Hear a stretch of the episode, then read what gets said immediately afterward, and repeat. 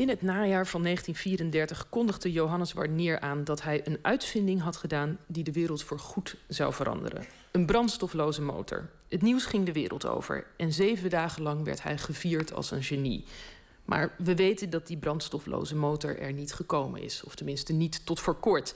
Waarom dan niet? En was Wardenier nou een genie of een oplichter? Techniekjournalist en industrieel ontwerper Paul Schilperoort...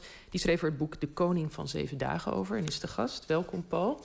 Goedemorgen. Ja, neem ons even mee naar het hoogtepunt uit Wardeniers leven. Die week waarin hij werd gezien als ja, de meest briljante man ter wereld, zowat. Um, hij presenteert zijn uitvinding aan het publiek. Hoe gaat dat? Ja, dat is op 1 eh, november 1934. En de reden daarvoor zei ik dat er geruchten gingen in Friesland... dat er een hele bijzondere uitvinding gedaan zou zijn.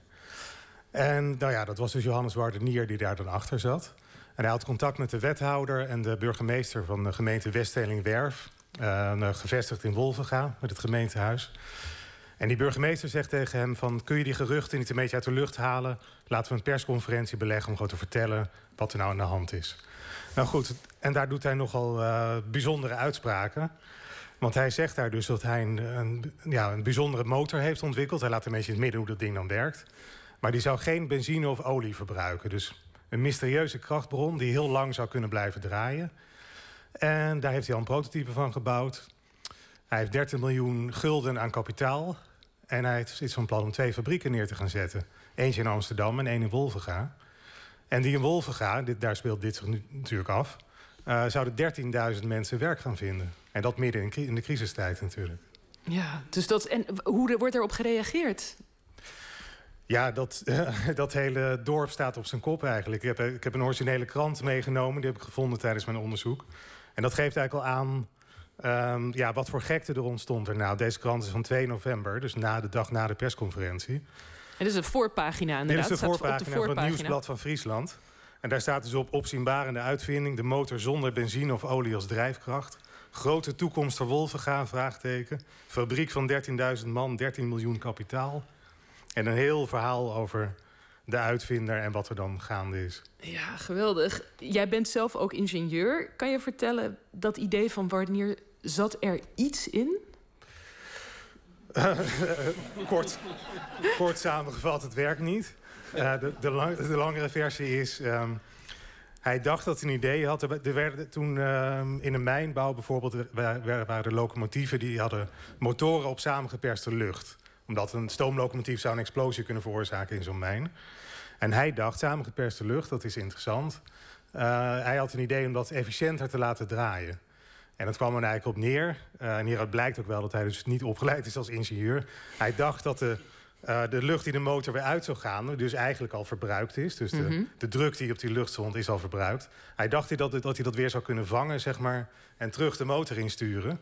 En zo die motor heel lang laten draaien voordat je weer iets van energie hoeft toe te voegen. Het is een beetje een soort van perpetuum mobile idee of zo. Ja, nou van wat eruit komt, dat kan er weer terug in. En... Ja, dan blijft het... Uh, nou, hij zei er niet eeuwig draaien. Hij zei drie maanden draaien zonder dat er iets van uh, drijfkracht, zoals hij dat noemde, ja. hoefde te worden toegevoegd. Maar uh, dat klinkt inderdaad ja, vrij suspect. Uh, maar hij zei, ik heb een prototype. En, en, ja. en, en, de wethouder, de burgemeester van Wolvenga... die gingen er groots in mee.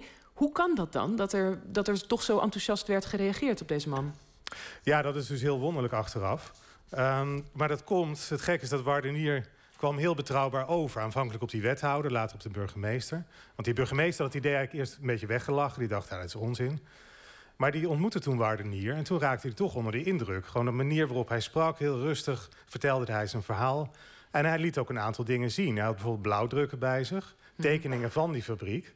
Door een, door een uh, door een architect in de buurt laten maken. Dus een vooraanzicht van een fabriek had een plattegrond van het terrein... een plattegrond van hoe de fabriek eruit moest komen te zien. En die motor, had hij daar ook... Had hij ook een motor of tekeningen van de nou motor? Ja, die had hij niet.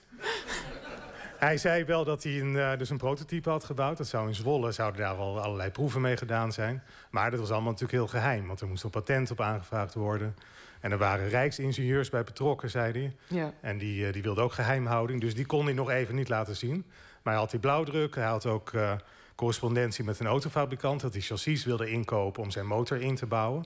Want hij zou in het voorjaar van 1935 een grote tour door Europa doen... Met een speciaal daarvoor gebouwd voertuig met zijn motor erin. En wanneer valt hij dan door de mand? Ja, dat is eigenlijk heel snel. Daarom heet mijn boek De Koning van Zeven Dagen. Want zijn, zijn uh, hele succesverhaal duurt zeven dagen. En in die zeven dagen, ja, op een gegeven moment laat natuurlijk twijfel toe. Er komen ook uh, ingezonden brieven van ingenieurs aan de kranten... die dus zeggen van, nou, het klinkt wel heel wonderlijk. Het klinkt inderdaad als een perpetuum mobile. En bij die burgemeester komt ook steeds meer argwaan. En die begint eigenlijk de druk op te voeren bij Wardenier. Die zegt van, uh, laat me die motor zien. Mm -hmm. Want je mhm. hebt allemaal grote verhalen, de kranten staan er vol mee. Uh, dus er wordt een fabriek gebouwd hier. We willen die motor zien. Je moet nu nou echt een keer over de brug gaan komen. En dat gebeurt maar niet. Ja. Dus op een gegeven moment, op 8 november 1934... Uh, wordt Wardenier weer bij de burgemeester geroepen. En wordt hij echt klem gezet eigenlijk. Hij moet over de brug komen.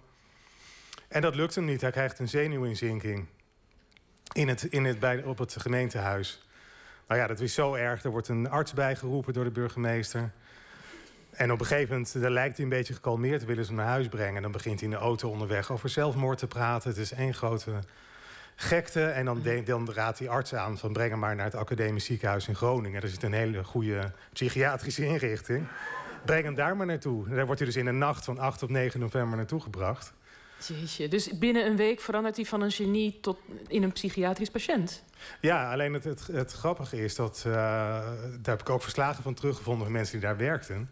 Die zeiden van hij kwam onmiddellijk tot rust. Toen, toen hij uit het oog, zeg maar, die media-aandacht werd weggetrokken... Ja. kwam hij helemaal tot rust. Hij zat daar op die afdeling, ook onder een valse naam. Ze gaven hem de naam Jan de Winter. Mhm. Zodat niemand zou weten van dit is die man van de uitvinding... waar alle kranten vol mee staan. Uh, en een verpleger die schrijft later van hij was de enige die geen slaappillen nodig had. Hij sliep als een roos, er was niks meer aan de hand. Ja, en nu, uh, hij heeft, er zijn nog heel lang mensen die in hem hebben geloofd. Dat gaan we niet helemaal nalopen, daarvoor moeten, moeten mensen je boek lezen. Maar uh, er blijft, het lijkt wel alsof dus ook decennia later, ook in de jaren 50, nog vindt er nog een soort revival plaats. Mensen die willen heel graag in hem geloven. Hoe kan je dat verklaren? Waar komt dat vandaan? Dat mensen toch zijn blijven vasthouden aan, aan die droom van Wardenier? Ja, dat komt ook omdat hij allerlei uitspraken doet laten tegen de kranten. Daar komt Philips ook nog bij kijken, wat op zich wel interessant is... gezien de locatie waar we zitten. Mm -hmm. uh, want eigenlijk is het stil rondom Wardenier. Na 1935 heeft hij nog een paar mislukte demonstraties op een podium... met ook een prototype, daar zal ik nu verder niet op ingaan... maar uh, wat hij heeft gebouwd wat niet functioneert. Daarna verdwijnt hij eigenlijk helemaal uit de media-aandacht. Tot 1953 met de watersnoodramp. Uh, want Philips heeft, uh, dat is begonnen ook in het NatLab... Uh, heeft jarenlang gewerkt aan de hete luchtmotor... volgens het zogenaamde Stirling-principe. Um, en die motor, die motor die was eigenlijk min of meer klaar... op het moment dat de watersnoodramp was in 1953. En die een aantal van die motoren zijn ingezet als noodgeneratoren... toen in het rampgebied. Mm -hmm. En dat kwam natuurlijk in de media, die, die motoren. En toen was er een journalist en die dacht van, hé, hey, hete luchtmotor. Dat doet me denken aan de luchtmotor van Wardenier. Hoe zit dat? Die is naar Wardenier toegegaan. En gevraagd van, heeft dat iets met elkaar te maken? En toen zeiden ja, die motor van Philips is gebaseerd op mijn uitvinding. Dus toen heeft hij gewoon nog een keer een nieuwe doorstart kunnen maken. Ja, met heel veel verhalen daarbij ook nog. Ja, goed. Oké, to, uh, tot slot, uh, kort. Het is een prachtig verhaal wat je hebt opgeschreven en uitgezocht. Maar toch, ja, jou was ook al direct duidelijk. Dit is een oplichter. Um, wat fascineerde jou nou zo aan deze man dat dat boek er toch moest komen? Dat je helemaal wilde uitzoeken hoe, het, hoe dit is verlopen? Nou ja, ik vond het ook heel fascinerend om te zien uh, hoe mensen dus inderdaad kunnen geloven in een bepaald verhaal. Uh, want er gaan nog steeds allerlei complottheorieën rond over Wardenier. Dat hij vergiftigd is, uh, ofwel afgekocht door de olieindustrie... Of, of vergiftigd door de olieindustrie. Ik vond het heel fascinerend, omdat je tegenwoordig heel veel hoort over complottheorieën en nepnieuws. Om dit verhaal echt tot de bodem uit te zoeken. Ja, wat dat betreft is dat ja, de wil om te geloven, die is van alle tijden. Ik wil je heel erg bedanken, Paul Schilperoort. Het boek De Koning van Zeven Dagen, dat ligt in de winkels. En een luistertip, in ons archief uh, van OVT hebben we ook een documentaire uit 1986 over Wardenier. Die is terug te luisteren via onze site. Nu even het nieuws en daarna zijn we onder andere terug met het verhaal van de filicorda. Het handzame orgeltje dat Philips in de jaren 60 ontwikkelde. En dat